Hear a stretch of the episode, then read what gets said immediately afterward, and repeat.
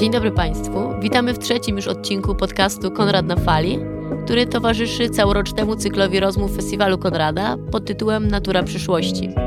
Przy mikrofonach Aleksandra Wojtaszek oraz Michał Sowiński. Ostatnio gościnią Grzegorza Jankowicza była Katarzyna Kalwat, która wyreżyserowała spektakl teatralny Powrót do Rę na podstawie autobiograficznej książki francuskiego filozofa i socjologa Didera Ribon. Tematem ich dyskusji, do której można znaleźć link w opisie tego odcinka podcastu, było pochodzenie i wstyd z nim związany. Nasza tożsamość to wypadkowa wielu czynników i elementów. Jednym z nich, być może jednym z najważniejszych, jest pochodzenie. Nawet nie tyle geograficzne, co klasowe. Didier Eribon w książce, która narobiła sporo szumu zarówno we Francji, jak i w Polsce, czyli właśnie w powrocie do Rę, pisał, że wstyd związany z pochodzeniem, sam Eribon urodził się i wychował w małym miasteczku w tytułowym Rę, w rodzinie robotniczej, był niezwykle trudny do pokonania i przepracowania. Ribon, robiąc karierę w, naukową w Paryżu, potem w innych dużych ośrodkach e, naukowych, cały czas miał z tyłu głowy poczucie niższości, kompleks pochodzenia z klasy ludowej. Przez lata, mniej lub bardziej świadomie, ukrywał ten bądź co bądź kluczowy element swojej biografii. Co ciekawe, dużo łatwiej było mu ujawnić swój homoseksualizm, niż publicznie mówić o ludowych korzeniach, o ludowym pochodzeniu. W książce Eribona, co, a co za tym idzie w spektaklu teatralnym w reżyserii Katarzyny Kalwat, nie chodzi wyłącznie o jednostkowy wymiar wstydu, o egzystencjalne doświadczenie wykluczenia, czy też samowykluczenia, ale może przede wszystkim o diagnozę struktury społecznej, w ramach której funkcjonują liczne mechanizmy opresji i przemocy symbolicznej. Te mechanizmy, im mniej widoczne, tym bardziej skuteczne Nieustannie bowiem wymuszają na nas konkretne zachowania lub znacząco zawężają pole naszych możliwości. Gościem dzisiejszego odcinka jest Michał Rauscher, etnograf, doktor kulturoznawstwa, pracujący na Wydziale Pedagogicznym Uniwersytetu Warszawskiego. Jest on autorem książki Bękarty Pańszczyzny – Historia buntów chłopskich, jednej z kilku niezwykle ważnych publikacji ostatnich lat, które przywracają pamięć i podkreślają znaczenie kultury ludowej.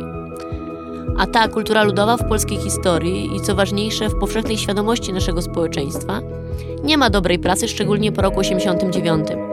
Nasza historia, ta oficjalna, będąca punktem odniesienia dla współczesnego konstruowania tożsamości, napisana jest z perspektywy szlachty i przedstawicieli innych uprzywilejowanych klas społecznych. A przecież przeważająca większość z nas wywodzi się z chłopstwa, z klasy przez wieki uciskanej i wyzyskiwanej na wszelkie możliwe sposoby ta wyparta, wyklęta wręcz tożsamość do dziś powraca i jak to mają zwyczaju rzeczy wyparte, e, powraca w najróżniejszych, często nieoczekiwanych momentach i kontekstach. Najczęściej przyjmuje formę wstydu, tego najpopularniejszego, bo też niezwykle efektywnego narzędzia, którego używa się do dyscyplinowania i budowania pełnych przemocy hierarchii społecznych. I właśnie o tym wstydzie rozmawiamy z Michałem Rauscherem.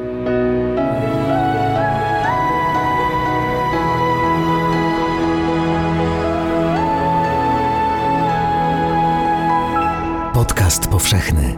Weź, słuchaj. Dziękujemy patronkom i patronom za wsparcie. Dołącz do grona dobroczyńców podcastu Tygodnika Powszechnego w serwisie Patronite.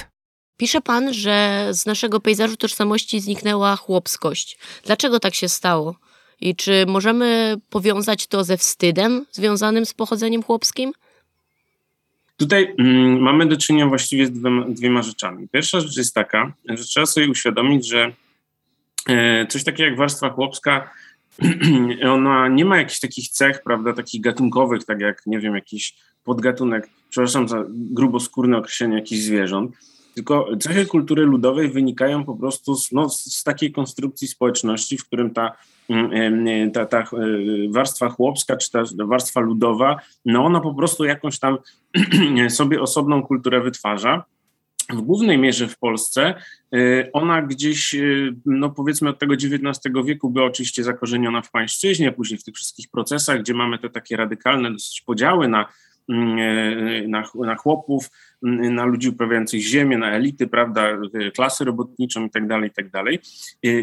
I ta osobność chłopów jak gdyby no, z tego wynikała, tak, po prostu z, z tego układu społecznego, który funkcjonował w danym danej rzeczywistości, czy tam II Rzeczypospolitej, czy PRL-u i tak dalej, i tak dalej. Od lat 70. obserwujemy właściwie na całym świecie zanik tak rozumianej warstwy chłopskiej, to znaczy przed, po, poza krajami globalnego południa, tak zwanego globalnego południa, w krajach zachodnich, krajach rozwiniętych, E, chłopi zostają jako tak, tak rozumiana właśnie grupa, zostają przede wszystkim mm, e, e, może nie tyle wyparci, co zastąpieni po prostu przez takich farmerów, którzy są przedsiębiorcami zajmującymi się uprawą ziemi. Spora część chłopów oczywiście migruje do miast, mm, miasta się rozrastają, więc te wsie bardzo często też tracą taki charakter. I tutaj mamy mm, jedną grupę takich przyczyn, dla których ta ludowość, tak rozumiana jako coś takiego, taki, taki, taka kultura osobna, mm, no trochę zostaje, y, y, trochę się po prostu rozpływa w tym wszystkim, tak? No to jest taki przykład, że no, jakbyśmy policzyli, no to oczywiście większość gdzieś tam mamy jakieś pochodzenie wiejskie, natomiast sami już nie jesteśmy nośnikami tej kultury wiejskiej, no bo mieszkamy w mieście, prawda, nie, nie wiem, bo, bo pracujemy w zawodach nierolniczych i tak dalej, i tak dalej, więc siłą rzeczy po prostu to gdzieś tam się rozmywa. E, drugi zespół przyczyn jest e, taki, jak pani powiedziała, to znaczy bardzo mocne, istniejące przynajmniej od czasów pańszczyźnianych powiązanie z bycia e, chłopem jako czymś, czy, czy z bycia po prostu z klas ludowych jako z czymś gorszym. Z czymś gorszym, z czymś, czego się należy wstydzić, które to, ja mówię, że ono trwa gdzieś tam od czasów pańszczyźnianych, ale ono pod wpływem y, zewnętrznych okoliczności zmienia się i trochę, trochę przesuwane tam są akcenty.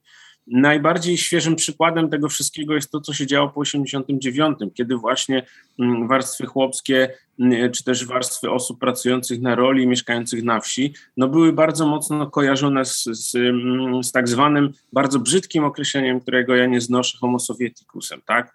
Czyli z kimś roszczeniowym, z kimś, kto prawda, nic nie robi.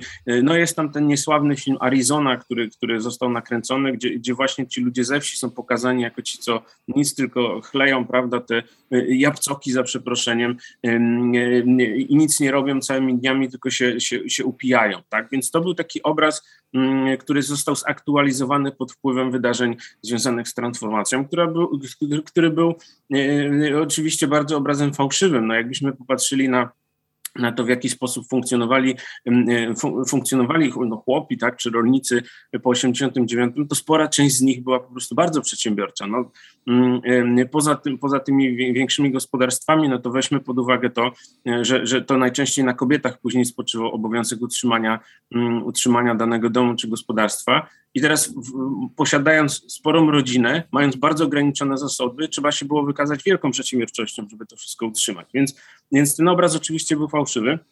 I on cały czas gdzieś tam, e, gdzieś tam funkcjonuje. No on trochę inaczej wyglądał mm, w II Rzeczypospolitej, trochę inaczej w PRL-u, chociaż tam jeszcze doszło do takiego zderzenia, prawda, no bo z jednej strony oficjalnie te warstwy ludowe były mm, hołubione przez władzę, no a z drugiej strony, prawda, no, no nie do końca tak w rzeczywistości było, tak, no może poza jakimś tam przywołaniem e, kultury ludowej gdzieś tam przy okazji jakichś dożynek, prawda, narodowych. E, co ciekawe jeszcze, ten stereotyp dotyczący wstydu związanego z, z byciem z częścią klas ludowych, on bardzo mocno jest aktualnie reaktualizowany za pomocą kabaretów. Jeżeli byście Państwo popatrzyli na kabarety, to zasadnicza część, tego, takie zwyczajne kabarety, gdzieś tam, prawda, w popularnych telewizjach y, dostępne, to zasadnicza część tego, co w tych kabaretach się pojawia, y, polega na tym, że obśmiewamy kogoś, kto jest y, klasowo niższy, tak? Mariolka, mm, ten słynny sketch, facet przebrany za babę, prawda, najśmieszniejsza rzecz, no to jest, to, to jest po prostu przykład dziewczyny z klasy ludowej, tak? z której się śmiejemy, bo nie potrafi mówić, bo, bo się źle ubiera i tak dalej, i tak dalej, nie? Później cały szereg sketchów, gdzie mamy po prostu takie wykoślawione postacie, które gdzieś tam są zakorzenione albo w miejskich klasach ludowych, albo wprost ze wsi. I po prostu te kabarety obśmiewają cechy y, osób właśnie z klas, z klas ludowych, więc tutaj mamy do czynienia z trochę z tą mm, reaktualizacją, y, no y, takimi właśnie kanałami, jakbyśmy powiedzieli, tak, czyli kabarety. Hmm, bo stan faktyczny to jedno, ale mm, taka tożsamość wyobrażona to, to, to, to, to jest inna, inna historia. E, właśnie mm, chłopskość, tak jak pan pisze w swojej książce zresztą, e, po 89, czy tak ludowość po prostu, może lepiej, lepsze słowo, e, zostaje jakby usunięta z tego pejzażu wyobraźni naszej, w sensie już przestajemy jakby kompletnie wy, wy, wyrogowujemy ten, ten, ten element zbudowania naszej tożsamości. Z kolei pan, nie tylko pan, bo ten ruch teraz widać od paru lat, e, postuluje pewną, e, pewien powrót do, pewne, pewien powrót tego, tego elementu. Nie, nie, nie może, może nie powrót do ludowości, ale, ale pewną afirmację tego, tego elementu istotnego. I teraz pytanie, co na tym możemy zyskać? Bo z jednej strony mówiliśmy o wstydzie, a teraz może, może, może o tym pozytywnym aspekcie, bo, bo tutaj też jest bardzo dużo do, do odzyskania, wydaje mi się. Y, tak, to znaczy, bo tutaj też wa warto podkreślić, że, że w, w, w, tym, co gdzieś tam się pojawia w ramach tak zwanego zwrotu ludowego, y, no bynajmniej nie chodzi o to, żeby znowu jakieś tam przebierać się w jakieś folklorystyczne, prawda, mm, mm, szaty, ubierać szaty wiejskie, prawda, jechać tam na wieś i, i, i kochać ten lud, bo to też nie, tam, nie na tym polega, tak? To nie jest tak, że Mm, ten lud jest taki wspaniały, cudowny i tak dalej, bo on jest bardzo różny, tak? To jest po prostu takie określenie trochę, e, określenie worek, do którego bardzo wiele ludzi wchodzi. E, tam są dobrzy ludzie, źli ludzie, jakkolwiek, więc to, to, to bynajmniej nie chodzi o żadne, mm, żadne tam teraz Chłopomanie 2.0. Tak, a, a, tak, a, a za ludem.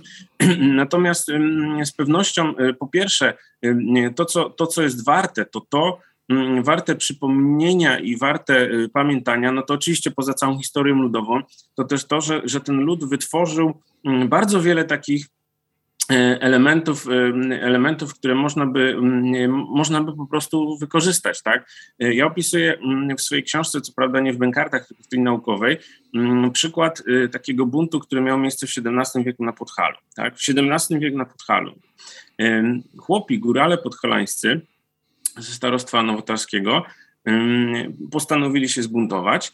W tym celu każda gromada wyznaczała delegata, który jechał na ogólne zebranie. W trakcie tego ogólnego zebrania wybierano przedstawicieli tej gromady, demokratycznie uchwalano prawda, podatek na, na, na bunt. E, e, no i no i działamy, tak? No, XVI wiek, prawda? No przecież to jest super przykład takiej samoorganizacji. Czyli dokładnie odwrotnie niż się najczęściej mówi o, o tych buntach tak, chłopskich. Tylko to... o masie, która nie ma żadnej świadomości, hmm. tylko jest czystą przemocą. Tak, tak, dokładnie. Y, y, no i jak gdyby przykładów tego typu można mnożyć. Oczywiście same sposoby, w jaki, w jaki, w jaki y, po prostu chłopi, czy warstwy ludowe, nie tylko w Polsce, ale na całym świecie przeciwstawiają, stawiają jak gdyby opór władzy, która, która im się nie podoba, który, która może być tyrańska, dyktatorska, jakakolwiek, tak? No to jest codzienny, nieustanny opór, który powoduje, że dana władza musi się zatrzymać. Jeden z, z takich um, amerykańskich antropologów, który badał lud malezyjski, on podał przykład, kiedy władza w Malezji zarządziła taki obowiązkowy podatek. To, to, to on, on, jest zakorzeniony w, w kulturze islamu, to jest taki tak, podatek sakat, tak? Tylko on jest dobrowolny i oddaje się go na rzecz gromady po to, po to, żeby ta gromada mogła później, no jak ktoś ma jakiś problem, prawda, coś mu się spali, mu się dom na przykład, no to gromada z tego dobrowolnego podatku wtedy mm, taki dom, no pomaga, czy tam odbudowuje dom. No i państwo zarządziło, że ono będzie zbierać ten podatek, tak? No bo po, potrzebowali pieniędzy, y, cokolwiek. Mm, y, y, opór wobec tego był tak powszechny, że tylko 10, bo najczęściej zbierano w ryżu czy tam w jakichś innych pszenicach, że tylko 10% tego, co udało się zebrać, nadawało się do jakiegokolwiek użytku i władza musiała się z tego wycofać, tak? Więc, więc taki właśnie codzienny, mm, uparty, opór e, e, oparty na tym, że, że coś na przykład tym warstwom ludowym się nie podoba, no, no może po prostu po, bardzo często postawić tamę, postawić tamę no, jakimś autorytarnym zapędom władzy, czy też trzymać te, te, te zapędy władzy w ryzach. I tutaj mamy jeszcze też, po, poza takimi wielkimi przykładami, możemy też odwołać się do zupełnie takich prozaicznych, tak? Zobaczmy, ideologia zero waste, która gdzieś tam przesiąka się z zachodu. No przecież to jest zero waste, to jest coś, na czym chłopi w Polsce i przede wszystkim chłopki od, od wieków, prawda, się opierali, tak? Moja babcia nigdy nie wyrzuciła nawet okruszka jedzenia. Nigdy. Zawsze ono było zjedzone albo jakoś przetworzone i tak dalej, i tak dalej, nie? Reklamówki. Kiedyś się śmiano, prawda, że że tam no, jakieś tam babcie suszą reklam, myją i suszą reklamówki, nie? No ale zobaczmy, no przecież teraz to jest jeden z takich najbardziej mm, modnych trendów, prawda, że, że, że tam ktoś ma jakąś taką mocniejszą reklamówkę i ona się ubrudzi z czegoś, no to że się umyje, żeby nie mnożyć śmieci, prawda. No a kiedyś się z tego śmiano i tutaj znowu mamy ten, ten element, y, element wstydu, tak, że mm, teraz takie działania proekologiczne, jak właśnie mycie reklamówek wybrudzonych, żeby móc z nich skorzystać jeszcze raz, drugi czy trzeci, no już wcale śmiechu nie wywołuje. Nie? Ja się właśnie nad tym zastanawiam, e, nad tym wstydem też właśnie w perspektywie czasowej. Wspominał Pan o, o, o PRL-u, o tych różnicach, które teoretycznie e, za PRL-u oczywiście ta klasowość, e, ludowość była zupełnie inaczej traktowana. Natomiast ja, ja sama pochodzę ze wsi pod Nowym Targiem i rozmawiałam z moją mamą właśnie o tych kwestiach wstydu. Dla niej jej pochodzenie ludowe, pomimo tego, że było to w latach 70., 80., było powodem do wstydu. Dla mnie już nie jest fakt, że, że, że, że pochodzę ze wsi, już nie jest problematyczny i zastanawiam się właśnie o tej, nad tą perspektywą czasową, jak to się zmienia, ale też nad tą różnicą między Polską, a na przykład krajami Zachodu, gdzie, gdzie tego komunistycznego e, etapu nie było. Jak, jak pan to widzi w perspektywie historycznej i, i właśnie geograficznej? No to jest też ciekawe, bo jak, jak czytałem Didiera Ribona, Y, y, to, y, no to bardzo dużo podobieństw tam można było, chociaż oczywiście no, Ribon wychował się we Francji, więc no, raczej tam żadnego systemu realnego socjalizmu nie było, no, a, ale bardzo, mimo wszystko bardzo dużo podobieństw do, do, do naszego kraju można tam było gdzieś, gdzieś odnaleźć. Więc trochę to, jest, trochę to jest taka sprawa, mm, myślę, że w ogóle na zupełnie osobną książkę. To znaczy, bo y, ja, ja trochę znam Czechy i, i, tam widzę, że mm, tam było tak, że te warstwy wyższe, elitarne, one były gdzieś tam osadzone raczej w kulturze niemieckiej. I, i, I, ta czeskość, ona się kształtowała w powiązaniu, bardzo silnie z powiązaniu z ludowością. Tak, bardzo silnie osadzona w tych małych miasteczkach czeskich, na wsiach czeskich i tak dalej, na, na czeskiej prowincji. Mm, y, I tam widać trochę takie, takie powiedzmy, mm, może nie tyle dumę, co, co, co świadomość z, z takiej ludowości, ale też ten wstyd jest, tak? Znaczy, y, te, też ten wstyd się pojawia, kiedy ktoś tam się przeprowadza z prowincji do Pragi, no to stara się mówić po prasku, gdzie ten czeski praski jest trochę inny niż na prowincji, prawda? Mm, I tak dalej, i tak dalej. Więc y, trochę ten wstyd z tej ludowości ja się nad tym zastanawiałem, e, e, kiedy, kiedy, kiedy jak gdyby no, zaproponowaliście Państwo, że, że o tym porozmawiamy. E, trochę on jest uniwersalny, to znaczy można go odnaleźć właściwie w każdej kulturze. Podobnie też jest w Niemczech. W Niemczech mamy mm, bardzo mocne takie tożsamości regionalne, prawda? Te słynne bawarskie stroje, w których ludzie się przebierają i tak dalej, i tak dalej. Bardzo mocno akcentują tą, tą swoją ludowość i bardzo mocno tam to jest wszystko um, osadzone, ale, ale też da, da się odnaleźć te elementy, prawda? Kiedy, kiedy mamy do czynienia ze zderzeniem e, prowincji z, z, z, gdzieś tam z miastem. E, myślę, że to jest trochę osadzone w, w procesach, prawda, tak, tak no, y, y, jakkolwiek rozumianego postępu, edukacji i tak dalej. No, kiedy już mamy do czynienia z jakimś, prawda, bardziej wyedukowanym pokoleniem, no to ono jakoś stara się zawsze budować swoją tożsamość gdzieś tam, próbując się trochę odciąć być może od tych korzeni. Bardzo trudno jest odpowiedzieć na to pytanie, ale myślę, myślę, że trochę ten wstyd niestety jest, jest kategorią uniwersalną. To znaczy, że no jednak ta wieś się kojarzy z, z, z nie, z brakiem obycia, z brakiem gustu i z brakiem tego, co, co określa się jako właśnie taki wzorzec dominujący, tak? Mm, e, w ubieraniu się, w zachowaniu, w tym, czego się słucha, w tym, w jaki sposób się nawet mówi, bo, mm, bo to też jest bardzo ważne. To, to pierwszym takim elementem, e, kiedy, kiedy ten wstyd zaczyna wychodzić, jest tak naprawdę język. To znaczy, kiedy ktoś gdzieś tam ma swoje naleciałości, w których mówi od dzieciństwa, mówię to z własnego doświadczenia, e, e, i nagle pojawia się gdzieś tam w mieście, gdzie wszyscy mówią płynnym literackim polskim i zaczyna ukrywać swój akcent, tak? Albo zaczyna ukrywać ten język, którym mówi od dzieciństwa, no, no bo on wtedy zdradza, że on jest tutaj ze wsi czy, czy, czy skądinąd. Mm, mm, więc, więc to jest taki pierwszy element. E, e, później oczywiście dochodzą inne sposób, e, styl życia, sposób ubierania się. I w momencie, kiedy jak gdyby no, człowiek się dopasuje do tego miejskiego stylu życia, no to ten wiejski już gdzieś tam pozostaje tym negatywnym punktem odniesienia. I być może to jest jakiś tam mm, jakieś tam wyjaśnienie, prawda, że, że, że tutaj mamy do czynienia z, z przejściem z jednej kultury, czyli z tej kultury z małej miejscowości, do tej kultury miejskiej, takiej, która jak gdyby jest wzorcotwórcza, dla kultury w ogóle, no bo no nie oszukujmy się, że raczej gdzieś tam krakowskie czy warszawskie mm, style ubierania się gdzieś później rozpowszechniają się po Polsce, a nie na przykład style ubierania się z Kalisza czy, mm, e, czy Kutna, czy nawet Łodzi.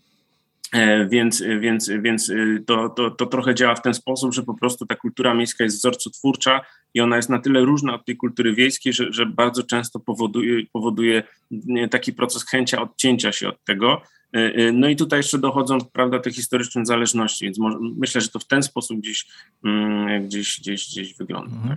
Wspominał Pan o, o kabaretach e, i paru jeszcze innych rzeczach, właśnie ukrywania akcentu.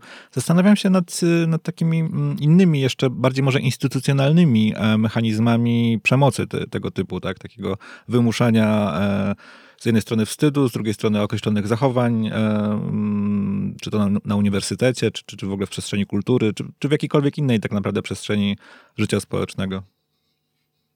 Y, y, y, ja myślę, że takim naj, najważniejszym tutaj elementem przemocy, ale nie tyle takiej przemocy bezpośredniej, co raczej jakiejś przemocy symbolicznej, jest gust kulturowy mm, czy kulturalny. To znaczy to, czego się powinno słuchać, co się powinno oglądać, co się powinno znać, Mm, jako osoba też pochodząca ze wsi, no, no, gdzieś tam później pracująca w mieście, zderzam się po prostu z, z czymś, że no, jest jakiś kanon kultury czy kanon gustu estetycznego, który moi koledzy i koleżanki wychowani w rodzinach miejskich, w rodzinach no, być może nawet inteligenckich, gdzieś tam wynoszą z dzieciństwa, którego ja nie mam, bo, bo jego po prostu u mnie w domu nie było, tak? Więc ten, ten kanon i ten gust, który to, co należy wiedzieć o, o kulturze, sztuce, literaturze, muzyce, to, czego należy słuchać i tak dalej, no myślę, że to, to jest taki element pewnego rodzaju przemocy symbolicznej. I co ciekawe, mamy tutaj do czynienia nie tyle z, z takim prawda, rozróżnieniem pomiędzy kulturą, e, e, tak zwaną kulturą elitarną, czyli gdzieś tam, e, prawda, wielcy kompozytorzy, wielka literatura, ale też trochę na takim bardziej horyzontalnym poziomie. To znaczy, w wielkich miastach, powiedzmy w centrach kultury, są pewnego rodzaju trendy muzyczne, literackie czy jakiekolwiek inne, które gdzieś tam się pojawiają i znikają. I teraz rozpoznawanie swojej tożsamości w tych trendach powoduje, że czujemy się częścią prawda, tej, tej grupy miejskiej. Czy to będzie jakiś tam e, mm, elektro hip-hop, który gdzieś tam jakiś czas temu był modny. E, I teraz należy, bycie częścią tej grupy powoduje, że my wiemy, kiedy należy dany element kultury odrzucić jako już niemodny. Tak? To dobrze widać na przykładzie ubierania się. Zobaczmy, że Młodzież dzisiaj ubiera się bardzo mocno w stylu lat 80., 90., tak? No jeszcze 5-6 lat temu y, y, taki sposób ubierania się byłby uważany za, za najgorszy obciach. Mówię tutaj na przykład dresy y, z trzema paskami, prawda, białe adidasy do tego i tak dalej, i tak dalej, nie? Natomiast umiejętność rozpoznawania tych trendów kulturowych, które funkcjonują w miejscach wzorcotwórczych, takich jak centra miast i tak dalej, i tak dalej, no to jest też jeden element takiej, takiej budowania dystynkcji, tak? Bo ja wiem, jak się ubierać e, e, i to mnie też odróżnia od tych z prowincji, którzy nie wiedzą. Bardzo często zachodzi taki proces, ja parę razy obserwowałem to na przykładzie moich studentów, kiedy gdzieś tam jechaliśmy do mniejszych miejscowości na badania, że oni będąc ubrani w, najnowsze trendy warszawskie, obserwowali swoich rówieśników w tych małych miejscowościach i chociaż tego nie mówili wprost, ale widać było po nich, że po prostu widzą, że, że, ci, że ta młodzież z tych małych miejscowości, ona jeszcze nie, nie, nie rozumie tych trendów, tak? Jeszcze to do nich nie dotarło. Tam kiedyś mieliśmy nawet z znajomymi rozmowę taką, że po wyjeździe naszych studentów z praktyk terenowych z, z, miejscowości, nie będę tutaj wymieniał, najprawdopodobniej młodzież bardzo szybko zacznie się ubierać jak właśnie ci, którzy tam, e, e, ci moi studenci, którzy tam mm, przed chwilą byli. Więc, więc tutaj mamy z jednej strony Mm, bycie częścią tych kultur tak zwanych elitarnych, związanych właśnie z, z, kulturą czy sztuką przez, przez duże S, mm, z kanonem y, rozumianym tak, że mamy tutaj do czynienia z, z wiedzą na temat prawda, wielkich kompozytorów, wielkich pisarzy, najczęściej kompozytorów i najczęściej pisarzy i oczywiście też reżyserów czy, czy, czy kina, które należy oglądać. I tutaj byśmy mieli taki podział, powiedzmy, powiedzmy właśnie no, trochę wyższe, niższe, tak? Mimo wszystko, że ten podział na kulturę elitarną czy kulturę wysoką, niską nie istnieje i on został jak gdyby zdewaluowany, no to gdzieś tam z tyłu głowy zawsze jest, tak? Że, że jednak to wino, a nie piwo, tak? Na przykład, nie? Że, mhm. że to wino jest wino i jazz, a nie piwo i metal na przykład, tak? Ewentualnie piwo, piwo kraftowe.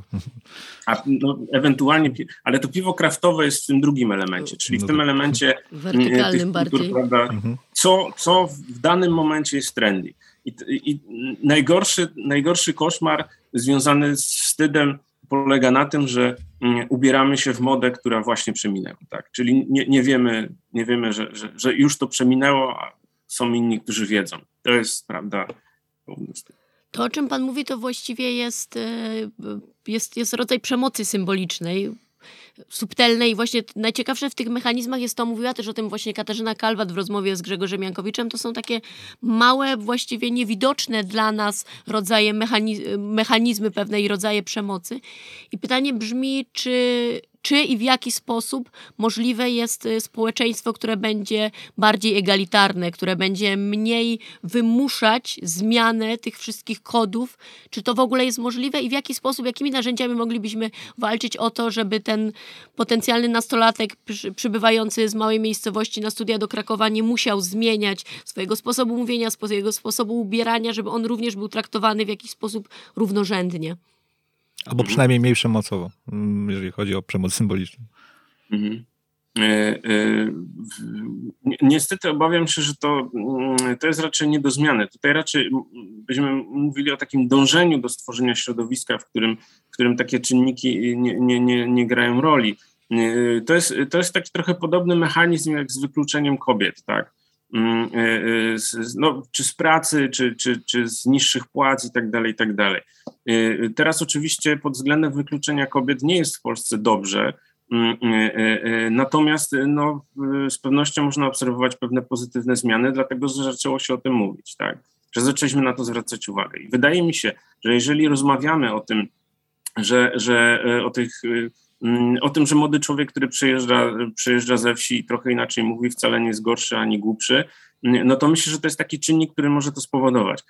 Obawiam się niestety, że Mm, że po prostu człowiek jest takim, mm, takim zwierzęciem, który bardzo lubi tego typu dystynkcje i tego typu budowanie tożsamości, zwłaszcza mm, w odróżnianiu się od innych, czyli w znajdywaniu cech, które y, pokazują mu, że, że jeżeli ma tą cechę, to jest lepszy od tego innego, który tej cechy nie ma.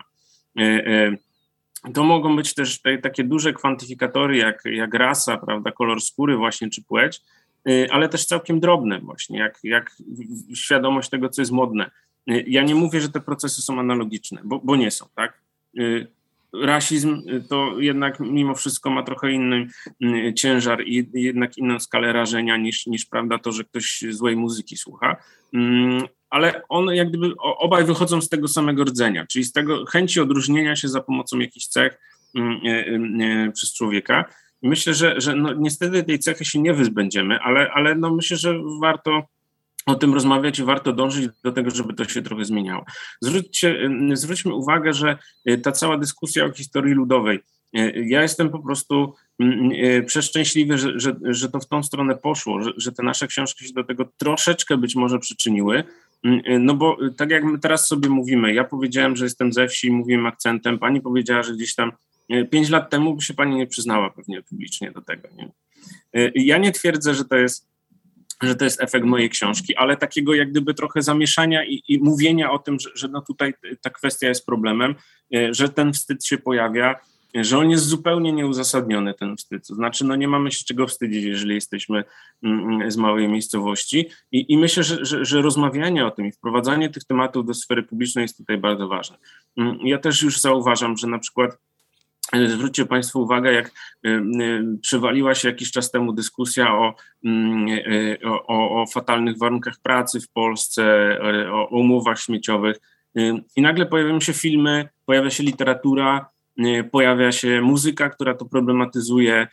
Nagle się zaczyna o tym mówić, i, i to nie jest tak, że te problemy zniknęły, ale wiele osób się zastanowi na drugi raz, trzy razy, zanim na przykład da swoim pracownikowi śmieciówkę, tak? jeżeli będą odpowiednio, e, odpowiednio myślący. Podobnie jest z kwestią kobiet. Tak? Ja nie mówię, że jest dobrze teraz, bo nie jest, mm, ale jeżeli my mówimy o równouprawnieniu, mówimy o wykluczeniu kobiet w wielu obszarach, mówimy o przemocy seksualnej, no to bardzo wiele osób się nad tym zacznie zastanawiać i, i pewne rzeczy zaczną się zmieniać. Jeżeli mówimy o tym, że większość z nas jest ze wsi, po prostu no już skończmy z tym y, y, obśmiewaniem tego, że ktoś jest ze wsi, inaczej mówi i tak dalej, bo to jest zupełnie bez sensu, to ja myślę, że, że to też tak trochę, trochę zadziała, więc, więc mówienie o tym jest, jest mówienie o tym, pokazywanie tego w kulturze popularnej, w piosenkach, w dyskusjach naukowych, no jest bardzo ważne i właśnie przyczynia się trochę do takiego, mm, do takiej zmiany stylu myślenia.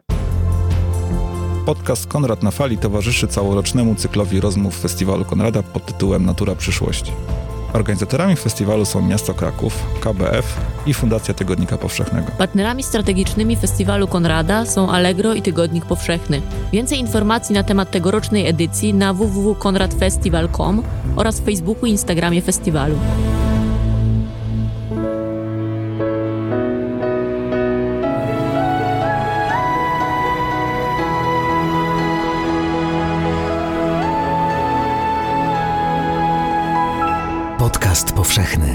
Weź, słuchaj. Jeśli słuchają nas Państwo w Spotify albo w Apple Podcast, zasubskrybujcie nasz kanał. Jesteśmy też w Google Podcast i w aplikacji Lekton oraz na www.tygodnikpowszechny.pl/podcast. Współwydawcą podcastu powszechnego jest Fundacja Tygodnika Powszechnego.